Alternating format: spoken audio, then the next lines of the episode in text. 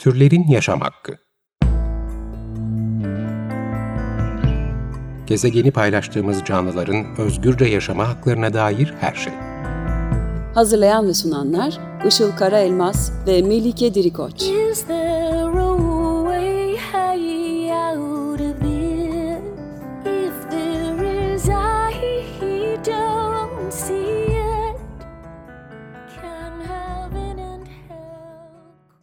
Merhabalar, 95 Açık Radyo'da Türlerin Yaşam Hakkı programı başladı. Ben Işıl Karaelmaz. Merhabalar, ben de Melike Dirikoç. Teknik Masa'da Selahattin Çolak'la birlikte kayıt alıyoruz. Bugünkü destekçilerimiz Sinem Demir Özteker ve Dinçer Teker'e ve diğer tüm destekçilerimize teşekkür ederek başlıyoruz. E, bugünkü konuğumuz arkeolog ve araştırmacı vegan okulu yürütücülerinden hayvan hakları savunucusu, savunucusu Funda Uğraş.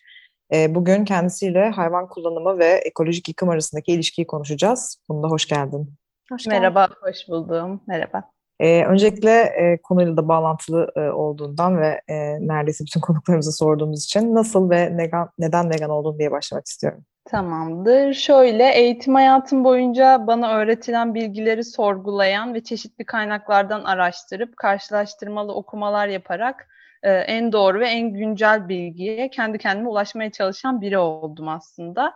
E, Bana öğretilenler ve toplumsal öğretiler her zaman eksik geldi ve zamanla bazı bilgilerin değişebilir olduğunu öğrendim. Araştırmalar yaparken de bilim e, tutunduğum en köklü dal oldu. Lise dönemimde boy ve kilo orantısızlığına bağlı sağlık sorunları yaşamaya başladım ve diyetisyenler, doktorlarla görüşerek çeşitli diyetler uyguladım. Diyetlerin e, ortak bir noktası vardı ve ve beni iyi iyileştireceğine emin oldukları e, ana bileşen hayvansallara odaklı bir beslenme çeşidiydi. Söylenen her şeyi harfiyen yerine getirmeme rağmen hiçbir şey düzelmeyip aksine daha kötü bir hal aldı. Bu süreçte yine kendim araştırmalar yaparak çeşitli ve yeni bilimsel kaynakları da okuyarak çözüm arayışına girdim. Hayvansalları yerken e, artık hayvanlarla aramızdaki koparılmış bağı yavaş yavaş yeniden kurmaya başladım. Yediğim şeylerin nereden ve nasıl geldiğini araştırdıkça e, yalanlar ve gizlenmiş gerçeklerle karşılaşarak 2015 yılında vegan olma kararı aldım. Bunları yaşarken üniversitede arkeoloji bölümüne başladım.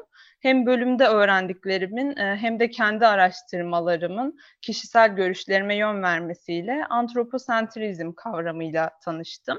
E, İnsan merkezi bakış açısının yaşadığımız ve yaşıyor olduğumuz bütün sorunların temelinde yattığını gördüm. Vegan olmak insan türünün e, insan dışındaki hayvanlarla, kendi türünden insanlara ve de e, doğaya e, ve dünyaya verdiği zararı anlamamın ilk adımı oldu aslında. Evet, arkeologsun Ee, ve de dediğin gibi tam o dönemde yani arkeoloji okuduğun dönemde veganlığa geçiş sürecini yaşamışsın ve antroposentrizmi fark etmeye başlamışsın. Aslında e, bütün bilim dalları sanıyorum kökeninde e, tüm dünya düzeni gibi antroposentrik bir yerden çıkıyor. E, arkeoloji ve ekolojinin şimdi araştırdığın içinde ekolojinin de antroposentrik kökenlerini açabilir misin biraz? Tabii şöyle diyebilirim. Ee, ekoloji 19. yüzyılda Ernst Haeckel tarafından tanımlanıyor ve e, canlıların birbirleri ve çevresiyle olan ilişkilerini inceleyen bir bilim dalı. Bu dönemde Charles Darwin'in e, Türlerin Kökeni kitabını yazmasıyla ve önceki dönemlerde yaşanan coğrafi keşiflerle birlikte yeni kara alanlarının, e, yeni türlerin tanındığı ve insan merkezci ve hatta avrosentrik e, bir şekilde bilim insanlarının, araştırmacıların yeni kavramlar öne sürdüğü, e, insanı merkeze alarak tanımlamaların yapıldığı bir dönem.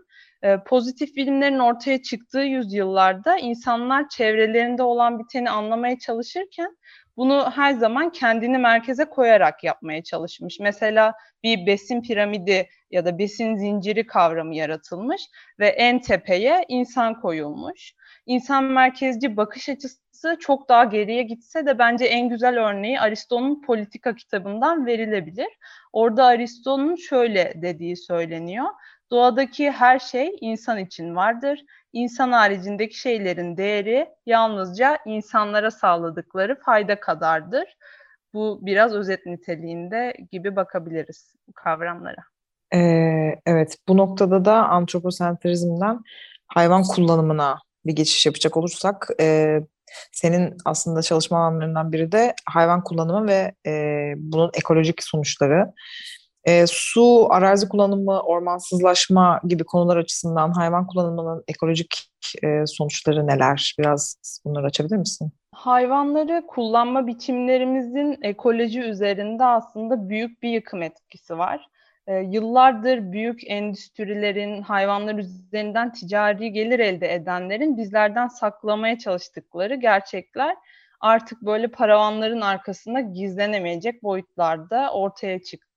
Mesela son birkaç yıldır artık siyasilerin gündemine almak zorunda kaldıkları ve yıllardır da kaçtıkları bir gerçek var iklim felaketi gerçeği. Buna felaket demeyi ben tercih ediyorum çünkü bu konudaki gerçekleri insanlar söylemeye, anlatmaya çekildikçe bir şeyleri durdurmak için ellerini taşın altına koymadıkça iklim her saniye şiddetini artarak e, değişmeye ve bir çığ gibi büyüyerek yok etmeye devam ediyor.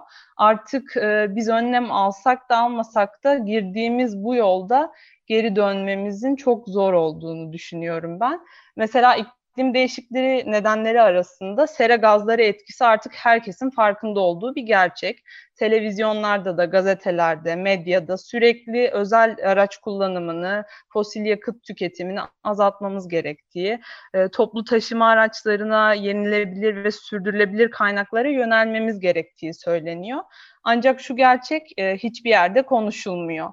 Anlatmaya e, çalışanların ya da sözü kesiliyor. Mesela taşımacılık, ulaşım sektörünün tamamının oluşturduğu küresel sera gazı emisyonu 120'lerde, %20'lerdeyken e, ki burada gemiden uçağa tüm ulaşım araçları hesaplanmış. Hayvancılık faaliyetleri kaynaklı oluşan sera gazı emisyon yüzdesi 2020 Climate Healers raporunda %87 olarak hesaplandı ya da dünyada yaşanabilir arazinin yarısının hayvan endüstrileri ve yalnızca bu hayvanlara yem üretmek için ayrılan tarım arazilerince işgal edildiği söylen, e, söylenmiyor hiçbir yerde. Hala dünyada var olan e, açlık sınırında yaşayan insanlar e, göz önüne alındığında şu veri hiçbir şekilde göz önüne alınmıyor. İki futbol sahası büyüklüğünde bir arazi bir yıl boyunca standart yem alışkan, alışkanlığındaki bir insanı doyururken aynı alan bitkisel beslenme için ayrıldığında bir yılda 14 insanı doyurabilecek ya da dünyanın karbon tutucusu, dünyanın akciğeri olarak tanımlanan Amazonların %91'ini hayvan endüstrisi katletmiş durumda. 2000'den fazla hayvan türüne ev sahipliği yapan Amazonlardaki hayvanların yaşam alanları ellerinden alınıyor. E, son 50-60 yılda insanların yiyeceği olmak üzere yetiştirilen hayvanların nüfusu %60 oranıyla temsil edilirken doğal ortamında yaşamını sürdürmeye çalışan yabani hayvanların oranı %4'e düştü. Çevreye verdiğimiz zararlarda ağaçları kesmeyelim, kağıt kullanımını azaltalım, fidan dikelim diyoruz ama bir yıl boyunca kağıt kullanmadan yaşayan bir insanın 8,5 ağaç kesimini önleyebileceği, bir yıl boyunca hayvan yemeden yaşayan bir insanın 3432 ağaç kesimini önleyebileceği hesaplayan bilimsel çalışmadan söz edilmiyor su kullanımını azaltmak konusunda daha kısa süreli duş almak, e, diş fırçalarken musluğu kapatmak, bulaşıkları elde değil makinede yıkamak e, her alanda seslendiriliyorken bir hayvansal hamburger yediğimizde 3 ay boyunca duş almak kadar su harcandığını belgeleyen araştırmayı yazan ya da bunu haber yapan yok. Ya da bitkisel bazlı hamburger yediğimizde hayvansal hamburgere oranla %75-95 daha az su, %93, %95 daha az alan işgali, %87, %90 daha az sera gazı salımına neden olacağı söylenmiyor. Çünkü hayvansalların tüketimi tarlada hayvanlar için yetiştirilen tarım ürününün sulanmasını, hayvanlar için ayrılan içme suyunu, kesim paketleme, e, hijyen aşamasında kullanılan suyu, hem hayvanların tutulduğu mezbahaların ve meraların işgal ettiği alanı hem de onlar için üretilen tahılların tarım arazisini içeriyor. Ve sera gazları arasında e, en etkili olan metan gazının başlıca üreticisi insanlar tüketsin diye yetiştirilen hayvanlar. 20 yıllık bir zaman ölçeğinde de değerlendirildiğinde metan gazının karbondioksitten 86 kat daha güçlü bir etkisi olduğu aktarılıyor. Hayvan yetiştirmek için e, hayvanlara onlarca kimyasal ve antibiyotik enjektesi söz konusu. Hayvanların gübreleri, onlara verilen büyüme hormonları, ilaçlar, endüstri atıkları, yeraltı ve yerüstü su kaynaklarına karışıyor. Su yollarıyla akan atıklar yine iklim değişikliği sonucunda oluşan e, ısınmanın ilk soğurulduğu yer olan okyanuslarda ve de denizlerde birikiyor fazla ısıdan ve kirlilikten dolayı mercan resiflerinde de bir beyazlama gerçekleşiyor. Ardından mercanlar ölüyor. Mercanlar okyanus biyoçeşitliliğinin %25'ini içerdiğinden yaklaşık 2 milyon türe ev sahipliği yapıyorlar. Ve mercanlar öldüğünde beraberindeki ekosistem de canlılar da ölüyor. Ve bunun gibi devam eden e, birbiriyle ilişkili bir döngü söz konusu. E, haliyle bütün bunların sonucundaki yıkım, iklim değişikliği de kaçınılmaz oluyor. Evet, bu e, özellikle beslenme, yemek amaçlı hayvan kullanımının e, ekolojik yol açtığı ekolojik yıkım yıkıma birçok örnek verdin. Aslında e, daha da devam edebilirsin. Yani gerçekten çok çok fazla alanda ekolojik yıkıma sebep oluyor e, hayvancılık. Ama diğer yandan da sadece beslenme değil, e, örneğin tekstilde yani yün ve deri kullanımının da ekolojik e, sonuçlarından bahsediyorsun. E, vegan okulundaki sunumunda. Onu da açabilir misin? Yün ve deri kullanımının ekolojik sonuçları neler? Tabii veganlık deyince maalesef akla ilk olarak beslenme geliyor. E, ancak beslenmenin yanında hayvan kullanımı hayatımızın her alanında var. Kozmetikten giyime, eğlence sektörüne kadar insan türü insan dışındaki hayvanları her alanda sömürüyor aslında. Yün kullanımına bakıldığında da e, iklim değişikliği özelinde koyunlar e, sera gazları arasında en güçlü olan metan gazı üretiminde ineklerden sonra geliyor. Ya da koyunları parazitten korumak için kullanılan parazit ilaçlarının imha edilmesi çok güç ve genellikle yerel su yollarına, toprağa karışıyor. E, suda zehirliliği arttırırken toprak verimliliğinin de düşmesine neden oluyor. Koyunların otlatma yapıldığı alanlarda da e, koyunları avlayan doğal yaşam alanındaki hayvanlar da e, avlanarak öldürülüyor maalesef. E, ve hayvansal deri endüstrisi gezegenin tatlı su kaynaklarının en büyük kirleticileri arasında sayılıyor. Her yıl dünya insan nüfusunun yarısı kadar hayvan deri sektörü için yetiştirilip moda sektörü için öldürülüyor. Deri işleme yöntemlerinden e, olan krom tabaklama endüstrinin yüzde seksenini kapsayan bir yöntem. Tabaklama işlemi sırasında kullanılan kimyasallar ve deri renklendirmede kullanılan kimyasal boyalar e, toprakları ve su kaynaklarına karışıyor. Aynı zamanda sektörde çalışan insan işçilerde akciğer ve solunum yolu hastalıkları, kanser, kısırlık gibi birçok sağlık sorununa da maruz kalmalarına neden oluyor. Evet, sadece veganlık denince yemek aklımıza gelmesin. Dediğin gibi hayvan kullanımı aklımıza gelebilecek her alanda. Ee, peki şeyi sormak istiyorum. Çok çarpıcı rakamlar var. Ee, hayvan kullanımının sebep olduğu çevre yıkımlarını nasıl özetleyebiliriz bu anlamda? Ee, yani birçok alanda e, hayvan kullanımı olduğu için hepsini de böyle sığıştırmak pek mümkün olmuyor ama e, birkaç başlık altında e, elimdeki bilimsel kaynaklardan aldığım verileri şu şekilde sıralayabilirim.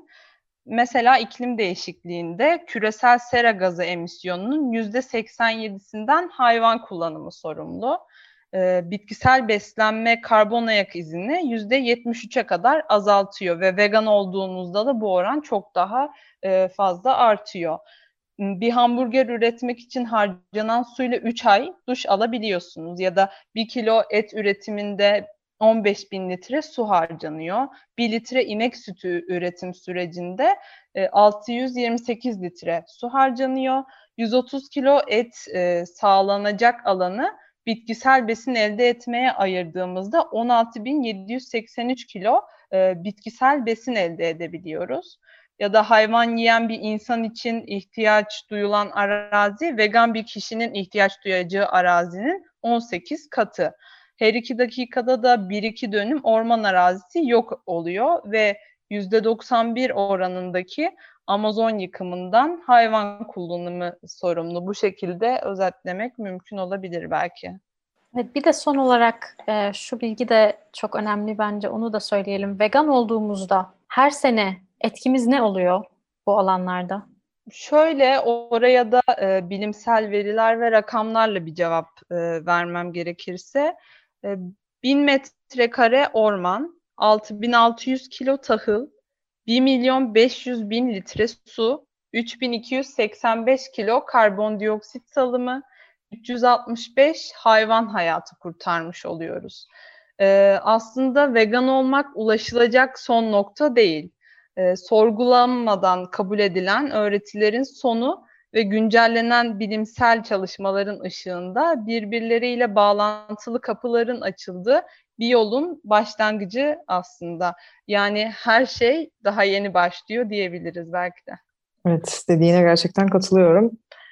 Ee, bir şeylerin ters gitmediğini anladıktan sonra başka alanlarda da sorgulamaya, düşünmeye, araştırmaya itiyor gerçekten bu durum insanı. Ee, evet programın yavaş yavaş sonuna geldik. 95.0 Açık Radyo'da Türlerin Yaşam Hakkını dinlediniz.